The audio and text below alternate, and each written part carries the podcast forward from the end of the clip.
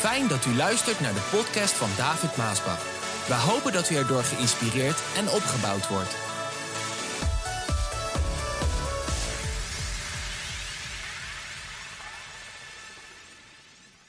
Ik lees in de Bijbel eigenlijk elke keer hoe plotseling ineens iets kan gebeuren.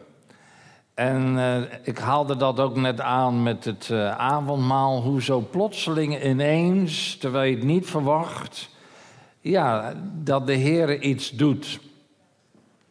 Ik lees bijvoorbeeld in Lucas over die vader die kwam met zijn jongen. En dan staat er in Lucas 9, vers 37, terwijl zij de volgende dag van de berg afdwaal, afdaalden, kwam een grote menigte mensen hen tegemoet om Jezus te zien. Er was een man bij die luidkeels riep: Meester, hè, tegen Jezus, kom toch kijken naar mijn jongen. Het is mijn enig kind.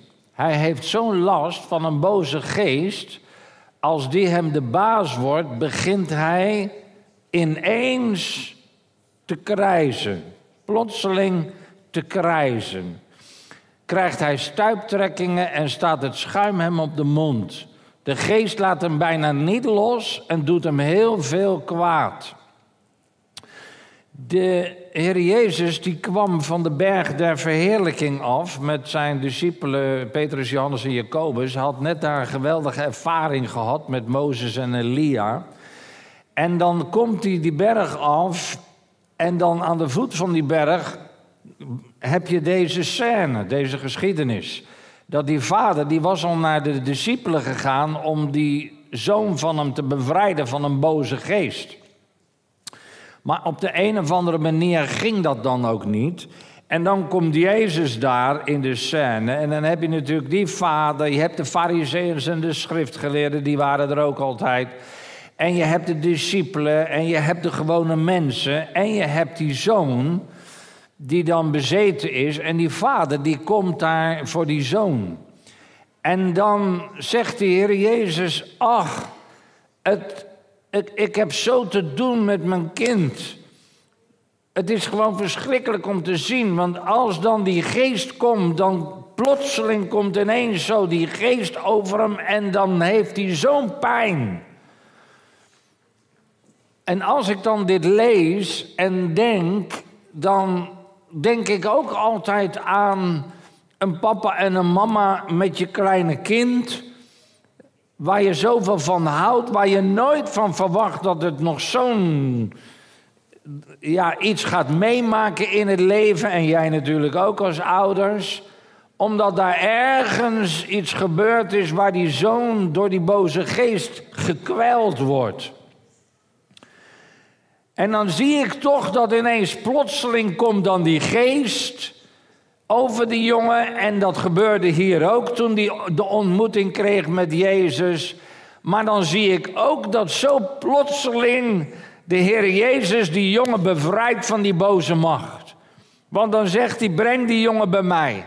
En hij bestraft die boze geest en onder luid geroep en gekronkel en gedoe gaat die boze geest uit en die jongen is volkomen bevrijd. Wat een dag in het leven van deze vader en in deze zoon. Hallo, wat een dag. Je, je loopt zo lang met zo'n situatie, er is geen enkele hoop. De discipelen konden het niet, maar die ontmoeting met Jezus zo plotseling die dag werd het gebed van die vader verhoord en die zoon werd volkomen bevrijd. In één klap, in één moment, ineens, plotseling, vrij. Van bezetenheid en gekweldheid helemaal vrij. Wat een heerlijkheid. En dit lees ik eigenlijk telkens in de Bijbel. Hoezo plotseling ineens en vaak wanneer je het niet verwacht, ineens God iets doet en de hele zaak draait in jouw voordeel. Wonderbaarlijk. Ik lees bijvoorbeeld over die prostituee.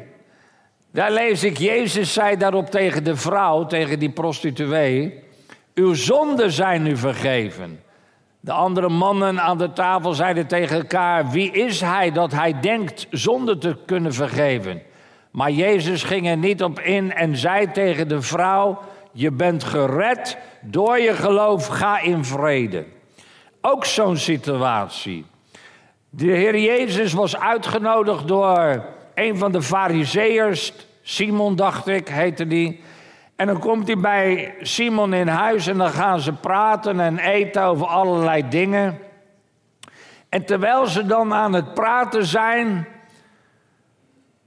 komt daar die vrouw. Je zou eigenlijk zeggen, hè, die prostituee, eh, eh, zo van de straat, waar ze met de mannen meegaat voor geld, verschrikkelijk leven. En dan komt ze daar binnen en dan valt ze aan de voeten van de Heer Jezus, dat zegt al wat. En dan huilt ze. En als je hier, als je hier bent en je weet dat je fout bent geweest en dat je vergeving zoekt, nou ik heb er vele, inclusief ikzelf, vele malen heb ik gehuild voor het altaar. Voor God. En dat ik huilde en zei, oh God, vergeef mij toch. Neem weg die schuld. Neem weg, neem weg dat leven uit mijn denken, uit mijn geest. Neem het weg. Ik wil ervan bevrijd worden. Ik wil, ik wil u volgen. Ik wil u dienen. Ik wil u gehoorzaam zijn. En zo viel deze vrouw aan de voeten van Jezus en ze huilde. En die tranen van haar die vielen op de voeten van Jezus en ze, heeft, ze had van die lange Aziatische haren en daar droogde zij zijn voeten mee. En dan had ze een heel kostbaar flesje parfum en die giet ze zo uit op de voeten van Jezus. Dat was, ja, dat was een situatie tussen Jezus en tussen haar. Jezus die kende haar precies en die wist wat er in hem ging. En zij stortte eigenlijk haar hart daar voor de Heer Jezus uit. De andere kant zat, zat die fariseer. En die zat te denken, maar die zat te kijken daarna. En die zat te denken, nou, nou, nou, nou, nou. Jezus, Jezus, zeg. Nou, je weet niet wie zij is, zat hij te denken, hè? Hij zei het niet, zat te denken. Maar ja, misschien zijn gezicht sprak boekdelen, want dat kun je vaak zien aan die mensen.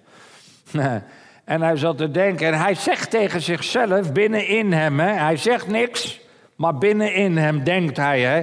nou dat is geen profeet. Want als, dat een, als Jezus een profeet is, dan had hij geweten hoe slecht die vrouw is en dan had hij die vrouw nooit zo laten begaan.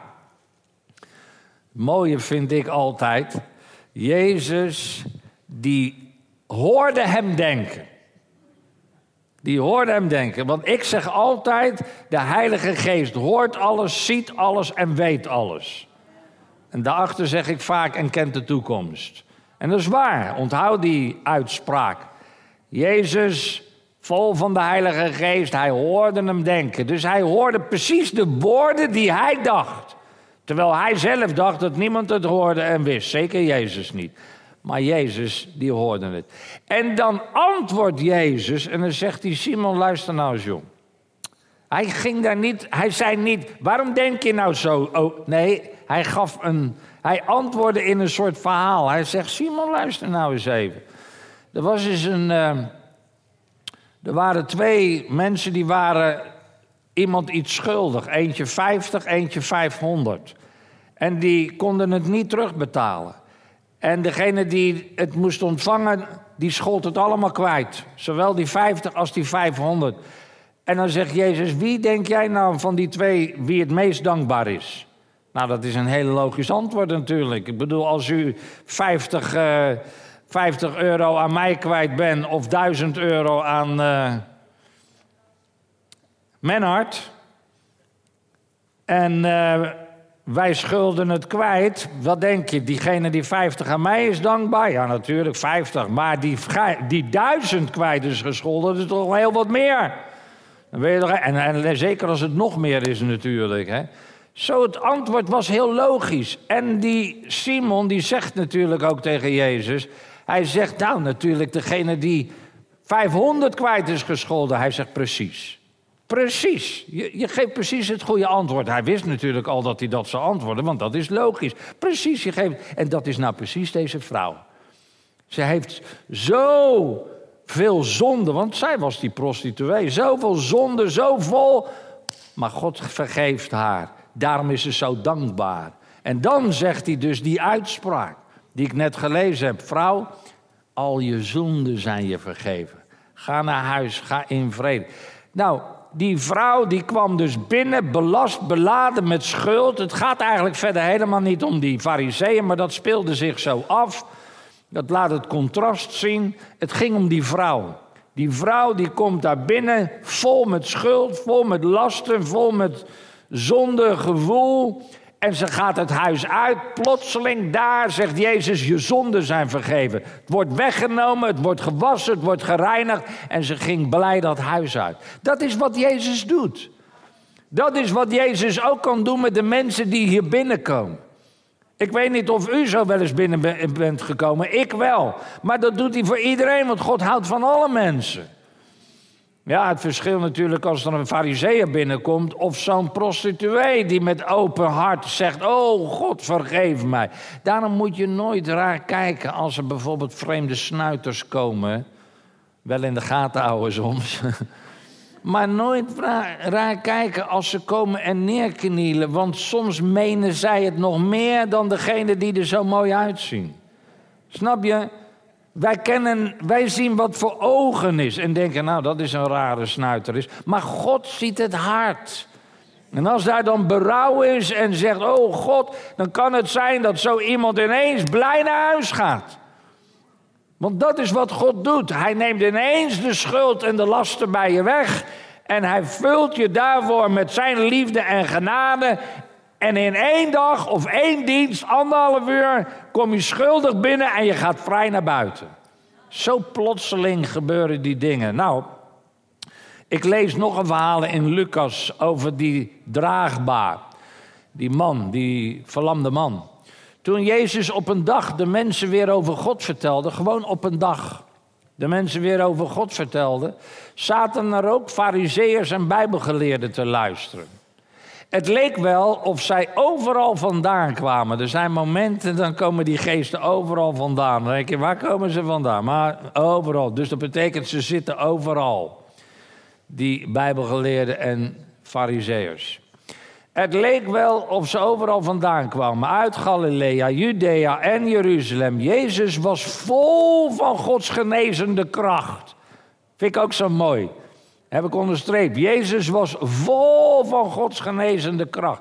Er kwamen enkele mannen met een verlamde man op een draagbed. Ze probeerden hem het huis binnen te dragen, tot vlak bij Jezus. Maar er stonden zoveel mensen dat het niet lukte. Daarom gingen zij het platte dak op en haalden door enkele, daar enkele tegels weg. Vervolgens lieten zij de man op zijn draagbed door het gat zakken tot vlak voor de voeten van Jezus. Toen Jezus hun geloof zat, zag, zei hij tegen de verlamde man: Vriend, je zonden zijn je vergeven. Wop, bam. Jezus had niet een soort agenda, zoals wij die ook hebben. Weet je wel, we hebben toch zo'n agenda, maandoverzicht, maar hebben we ook zo'n mooie grote krant.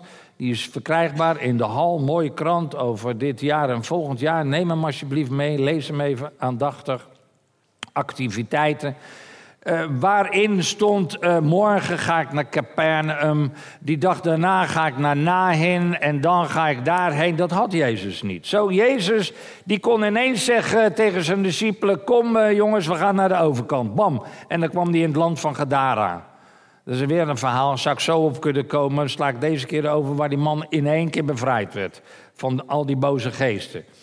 Maar dat, zo was Jezus. In één keer, huppatee, we gaan daarheen. Dat was hier ook zo. Ineens was hij daar en hij was aan het spreken over het koninkrijk van zijn vader. Maar hij was vol van de genezende kracht van God.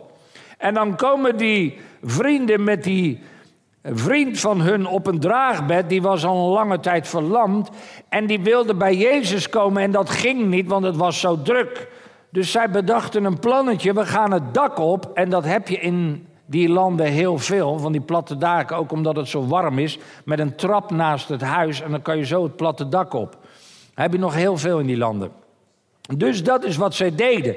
En dan halen ze die tegels weg en dan laten ze die vriend door dat dak heen zakken. was natuurlijk een hele consternatie daar.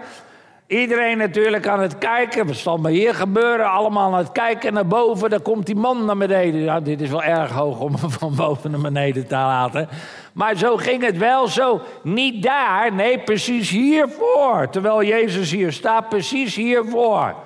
Nou, je kan niet dichterbij komen natuurlijk. En dan ligt die man daar op zijn draagbed. En dan zegt hij: hey, je zonden zijn je vergeven. Nou, dat, was, dat is belangrijker nog dan je ziekte zijn genezen. Want je zonden zijn vergeven betekent alle dilemma's zijn weg, je bent voor de eeuwigheid gered. Al zou je zo ziek blijven, dan nog ga je naar de hemel voor de eeuwigheid, daar heb je straks helemaal geen last meer van.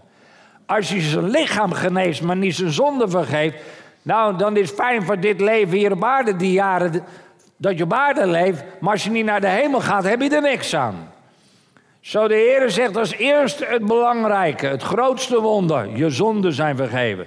Dan krijg je die consternatie en dan zegt hij, oké, ik zie wel wat jullie denken en zeggen, maar omdat jullie weten dat ik de zonde kan vergeven, zal ik hem ook genezen. Sta op en wandel. De man pakt zijn bed op en hij wandelt zo naar buiten. Zo ineens. Wie had dat gedacht? Geen agenda. Oh, Jezus is daar. Dus uh, weet je wat? Kom op, mannen, we gaan daarheen. Gewoon op die dag. We gaan daarheen. En dan gaan we naar Jezus toe. En dan komen ze bij hem en dan wordt hij voorkomen genezen. Hij komt lam er binnen en dan gaat genezende weg. Plotseling, ineens. Eén dag. Wie had het kunnen zeggen? In één dag verandert alles. In het leven van die verlamde man, in het leven van die vrienden en wat denk je in het leven van die familie. Hij kon ineens weer lopen. Hij was dankbaar en blij. Elke keer zie je hoe in de Bijbel de dingen ineens kunnen draaien. Plotseling kunnen draaien. Daarom moet je ook nooit zeggen met een bepaalde situatie of denken en zeggen: Nou, het zal altijd wel zo blijven. Waarom zou je zeggen: Het zal altijd wel zo blijven? Ja, omdat ik al zo lang ermee zit. Dat wil nog steeds niet zeggen, al zit je zo lang in een situatie, dat het altijd zo zal blijven. Want God is bij machten oneindig veel meer te doen dan dat wij bidden of beseffen. Als je het leven bekijkt van die Filippus en uh, de evangelist en die Moorman, weet je wel, die minister van Financiën. Die rijdt daar gewoon op zijn karretje op die eenzame weg, op weg terug naar Afrika. Want hij was uit, uh, uh, uit Ethiopië, de minister daar. En hij rijdt gewoon op zijn gemakje in het wagentje terug. Leest iets begrijpt de situatie niet. Filippus komt ernaast, die legt hem uit. Hij zegt: Oké, doper, nou, daar is water. Wat let mij? Oké, als je gelooft in Jezus' naam, mag je laten dopen. En hij liet zich dopen. Eén dag verandert het hele leven van die minister. Zijn hele denken, zijn hele leven verandert totaal. Geeft zijn hart aan Jezus en laat zich meteen dopen. Dat is wat God kan doen. Uh, die, die moordenaar aan het kruis. Eentje rechts, eentje links van Jezus. Eentje staat te schelden en geeft uh, Jezus de schuld en bla bla bla. En die andere zegt, wat waar heb je het over? Die man is niet schuldig. Heer, wil u mij aan mij denken als u in uw koninkrijk komt? Denken, vandaag zal jij met mij in het koninkrijk zijn. Ze blazen hun laatste adem uit en hij gaat het koninkrijk binnen. Eén moment. Elke keer, lieve mensen. Je houdt vast aan het woord van God. Je houdt vast in je geloof. In de omstandigheden. In de moeilijke omstandigheden. Je laat niet in je denken toe dat het altijd wel zou blijven. Je moet niet met mensen en adviseurs, familieleden en vrienden praten die je er alleen maar in praten. Daar heb je niks aan. Kan je beter niet naar luisteren, niet mee praten. Je moet het niet eens te bedden brengen, je moet het niet eens opbrengen. Het moment dat je het gaat opbrengen, ga je discussiëren, krijg je allerlei dingen tot je wat niet uit de geest Gods is. Je houdt je vast aan het woord van God. God is bij machten om mij te genezen. God is bij machten om mij die baan te geven. God is bij machten om mij een kind te geven. God is bij machten om mij uit de financiële moeilijkheden te halen. God is bij machten oneindig veel meer. God, is, God kan het. En dan kan er ineens, terwijl je zo leeft, Kijk, en dit is wat ik elke keer probeer aan te halen van de bidstondbezoekers. Dat er zijn zoveel kinderen gods die ja, die leven niet zo. Ze komen niet naar de bidstonden, misschien alleen op zondagmorgen en dat nog onregelmatig. Maar als er dan ineens een crisis in hun leven is, dan komen ze ineens alle zondagmorgen, komen ze ineens op de bidstonden, komen ze ineens naar voren, laten ineens voor zich bidden. Dan moet God ineens een wonder doen, want ze moeten eruit. Maar dat gebeurt vaak niet zo. En als het dan niet gebeurt, snel, dan verliezen ze hun geloof. Ja, logisch, want ze leven helemaal niet in het geloof op die manier. En omdat ze zo niet geloven, beleiden en denken, raken ze ook heel snel hun geloof kwijt, wanneer God dan ook niet ineens dat wonder doet. Maar wij leven heel anders. Wij hebben een hele stabiele geest.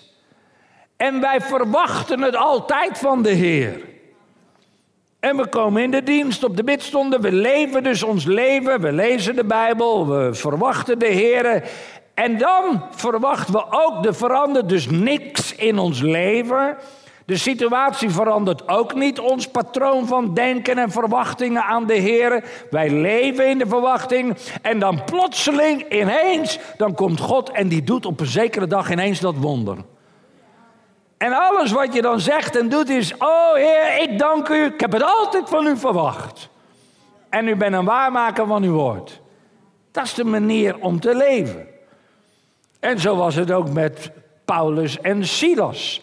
Zij waren in de gevangenis. De cipier vroeg om licht en rende naar de kerken waar van Paulus en Silas. Hij viel bevend, die, die cipier, die viel bevend over zijn hele lichaam voor Paulus neer. daarop bracht hij hen naar buiten en vroeg: Heer, wat moet ik doen om gered te worden? Paulus zegt: Geloof in de Heer Jezus, dan zult u gered worden en al uw huisgenoten ook. En de man werd gered. Wat was er? Paulus en Silas die waren door de evangelieprediking in de gevangenis gekomen. Ze gingen niet zieken neuren, ze gingen niet niet zielig doen, niet zelf medelijden. Och, ik en ik ga door in moeilijk en moeilijk, moeilijk. Ja, ja, ja. Oh, oh, oh, oh, oh. Alsof je de hele last van de wereld op je draagt. Sommige christenen lopen rond alsof ze de last van de hele wereld op zich dragen. Oh, vraag alsjeblieft niet aan ze, hoe gaat het ermee? Dan, dan krijg je de bak over je heen, de bak van ellende zeg, en dan ga jij, dan ga jij zo naar huis. Ja, daar had ik nog eens een keer een grapje van, maar ik ben het vergeten. Toen sprongen ze samen van de brug of zoiets. Ik weet niet, even nog nadenken. Dat was een leuk grapje. Maar het komt erop neer, echt waar. Er zijn zoveel die altijd. Het gaat er niet om dat je wel eens door een dip gaat. Of dat je wel eens verdrietig bent. Of, of wel eens, wel eens ja, te neergedrukt bent. Maar altijd in zo'n zo'n medelijden, zo'n zelfmedelijdende ja, geest en manier van kijken en lopen. En oh, wow, wow, wow. Dan denk ik, man, dat is toch. Als de mensen dat zien, komen ze niet naar Capitol hoor. En dan denken ze dat we allemaal zo zijn. Maar zo zijn we niet. Er zijn momenten, dan ga je daar doorheen en dan de kracht des Heren geeft je weer, die haalt je er weer uit.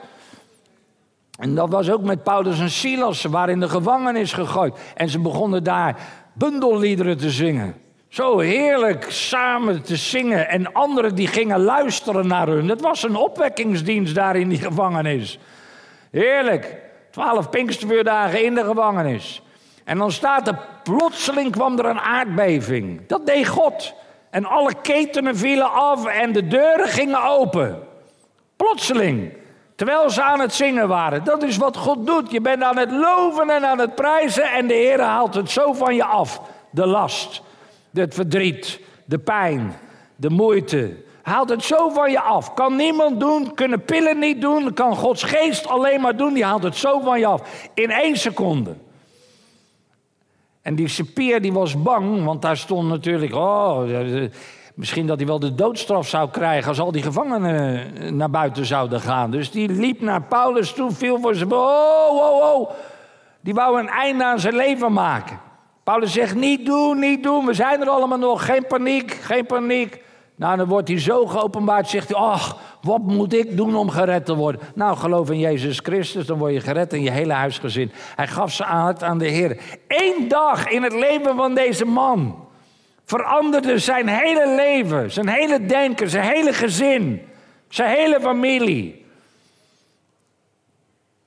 Wat denk je wel? Ik heb nog twee voorbeelden. Wat denk je van uh, de dag van Pinksteren? De Bijbel zegt in Handelingen 2: Toen de mensen dit hoorden, werden ze diep in hun hart geraakt en vroegen aan Petrus en de andere apostelen: Vrienden, wat moeten wij doen? Petrus antwoordde: U moet zich bekeren tot God en u laten dopen in de naam van Jezus Christus, want dan worden uw zonden vergeven en de Heilige Geest zal in u komen wonen. Er staat in de Bijbel, terwijl ze daar in gebed waren, omdat Jezus had gezegd dat de kracht van God over hun zou komen, plotseling kwam daar de Heilige Geest als een machtige windvlaag en vervulde hun allemaal. Plotseling.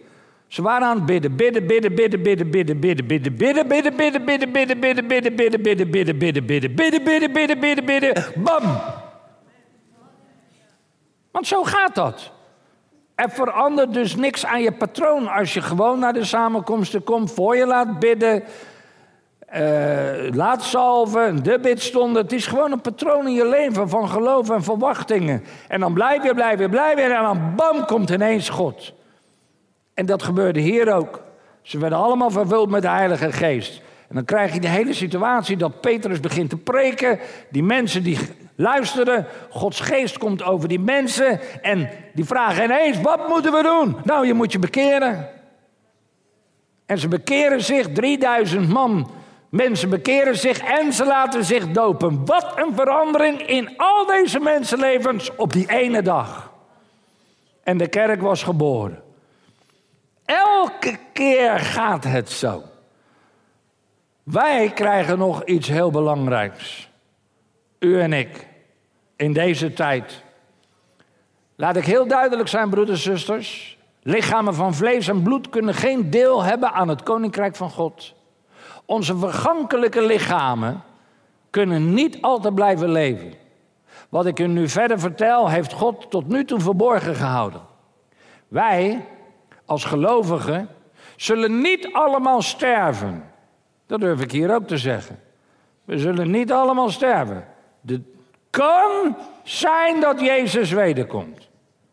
Dan zullen we niet allemaal sterven. De ene misschien wel, wie zal het zeggen, wie vanmiddag of morgen ineens er niet meer zal zijn. Dat weet niemand. Maar als Jezus morgen komt, zullen we niet allemaal sterven. Dat wisten ze toen ook niet wanneer Jezus zou wederkomen. Want Jezus had gezegd: Ik kom terug. En zij waren uitziende. En dan staat er: Maar wel allemaal in een oogwenk een nieuw lichaam krijgen. Op het moment dat de laatste bezuin klinkt. Ja, er zal een machtig geluid van een bezuin te horen zijn. En dan zullen de doden levend worden gemaakt. Met een onvergankelijk lichaam. En ook wij zullen een nieuw lichaam krijgen. Ons vergankelijke, sterfelijke lichaam zal verwisseld worden. In één moment gebeurt dat. Verwisseld worden voor een onvergankelijk, onsterfelijk lichaam. Een lichaam waarmee je de hemel kan binnengaan.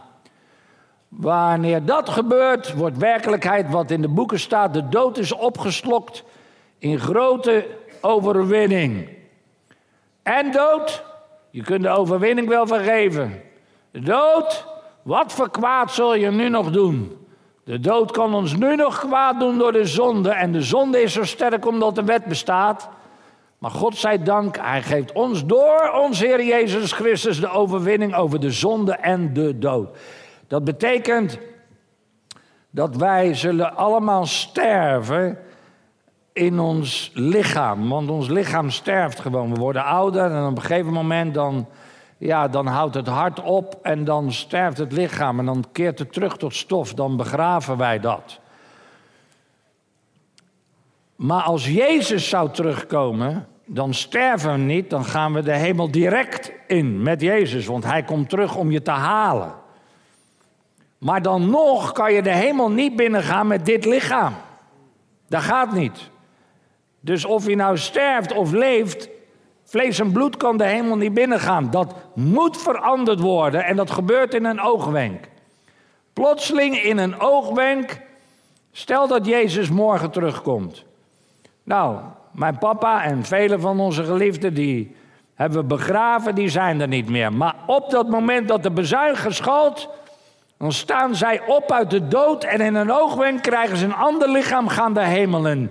In datzelfde moment zijn wij die nog leven, worden opgenomen, krijgen een ander lichaam, net als hun, een hemels lichaam. En zo zullen we samen met Jezus voor altijd in de hemel zijn. Als Jezus nog niet wederkomt, dan blijven wij trouw. Dan leggen we dat aardse lichaam af. En dan zullen wij, net als onze voorouders, begraven worden en ons lichaam keert terug tot stof. En dan neemt de volgende generatie neemt het weer over. En die gaat door in dezelfde geest, visie en doelstelling. Dit blijft gaan totdat Jezus wederkomt. Al zou het over honderd jaar zijn, ik ken mijn nageslacht niet. Maar God heeft mij beloofd dat zolang we de Heeren dienen en zijn wegen bewandelen en zijn geboden onderhouden, zal het niet aan een koning ontbreken op de troon of wel een opvolger. Dan zal de Heere blijven gaan. En het zal blijven gaan totdat hij wederkomt. En in diezelfde tijd zullen steeds meer kinderen Gods hun lichaam afleggen en begraven worden. Maar er komt een dag al zijn we er niet meer. Jezus zegt, ik ben de opstanding en het leven. Je zal leven ook al ben je gestorven. Dan zullen we allemaal die in Christus gestorven zijn, zullen in een oogwenk opstaan, een ander lichaam krijgen. En dan zullen we elkaar ontmoeten rondom de troon van Jezus. Samen met degenen die dan nog leven en de Heer tegemoet gaan in de lucht. Ook die zullen een ander lichaam krijgen. En dat zal in een oogwenk zijn. Plotseling. Kan je even één keer knipperen? Heb je één keer geknipperd? Zo snel zal het gaan. Hallo? Zo snel zal het gaan. Eén keer knipperen, zo snel zal het gaan. Dat we ineens rondom de troon van Jezus zijn. Nou, en dan zijn wij bij Hem voor eens en altoos. En dan gaat het hele circuit hier op aarde door. En hoe dat allemaal gaat kun je lezen in mijn boek Wereldschokkende Gebeurtenissen. Het is echt heel interessant om kennis van deze zaken te hebben. Maar hoe het ook zij, plotseling zal ook in onze tijd ineens Jezus terugkomen. En de vraag is, ben je dan gereed? Zie je naar hem uit dat hij terugkomt? Elke dag kan de dag zijn dat hij zal terugkomen kan zomaar ineens zijn dat je hier zit en in één keer zijn we weg. In een oogwenk zijn we weg. De vraag is dan, wie zit hier dan nog? Ik niet. Ik, ik heb dit ook allemaal niet meer nodig. Weet je, je mag het allemaal hebben. Je mag mijn auto hebben. Wat, je mag mijn bankrekening hebben, er staat niks op. Maar maar je mag het hebben. Je mag het allemaal hebben. Ga staan hier en ga weet ik van wat doen. Je mag het allemaal hebben. Ik heb het niet meer nodig. Want ik ben dan bij hem. Ik heb niks aards meer nodig. Ik kan ook niks meenemen. Ik ga naar hem toe, ik kan niks meenemen. Ik heb het ook niet nodig. Wat heb ik in de hemel nou nodig? Ik ga daar op straten van goud wandelen. Ik heb fundamenten van allemaal edelstenen. Ik loop door paarlenpoorten. Uh, maar het mooiste is, ik zal hem zien. Oh, en ik kan dat zo. Ik heb het zo vaak in mijn gedachten gehad. Hoe ik zo graag hem zou willen huggen. Heer, Oh! Dat is waar ik naar verlang. U ook? Amen.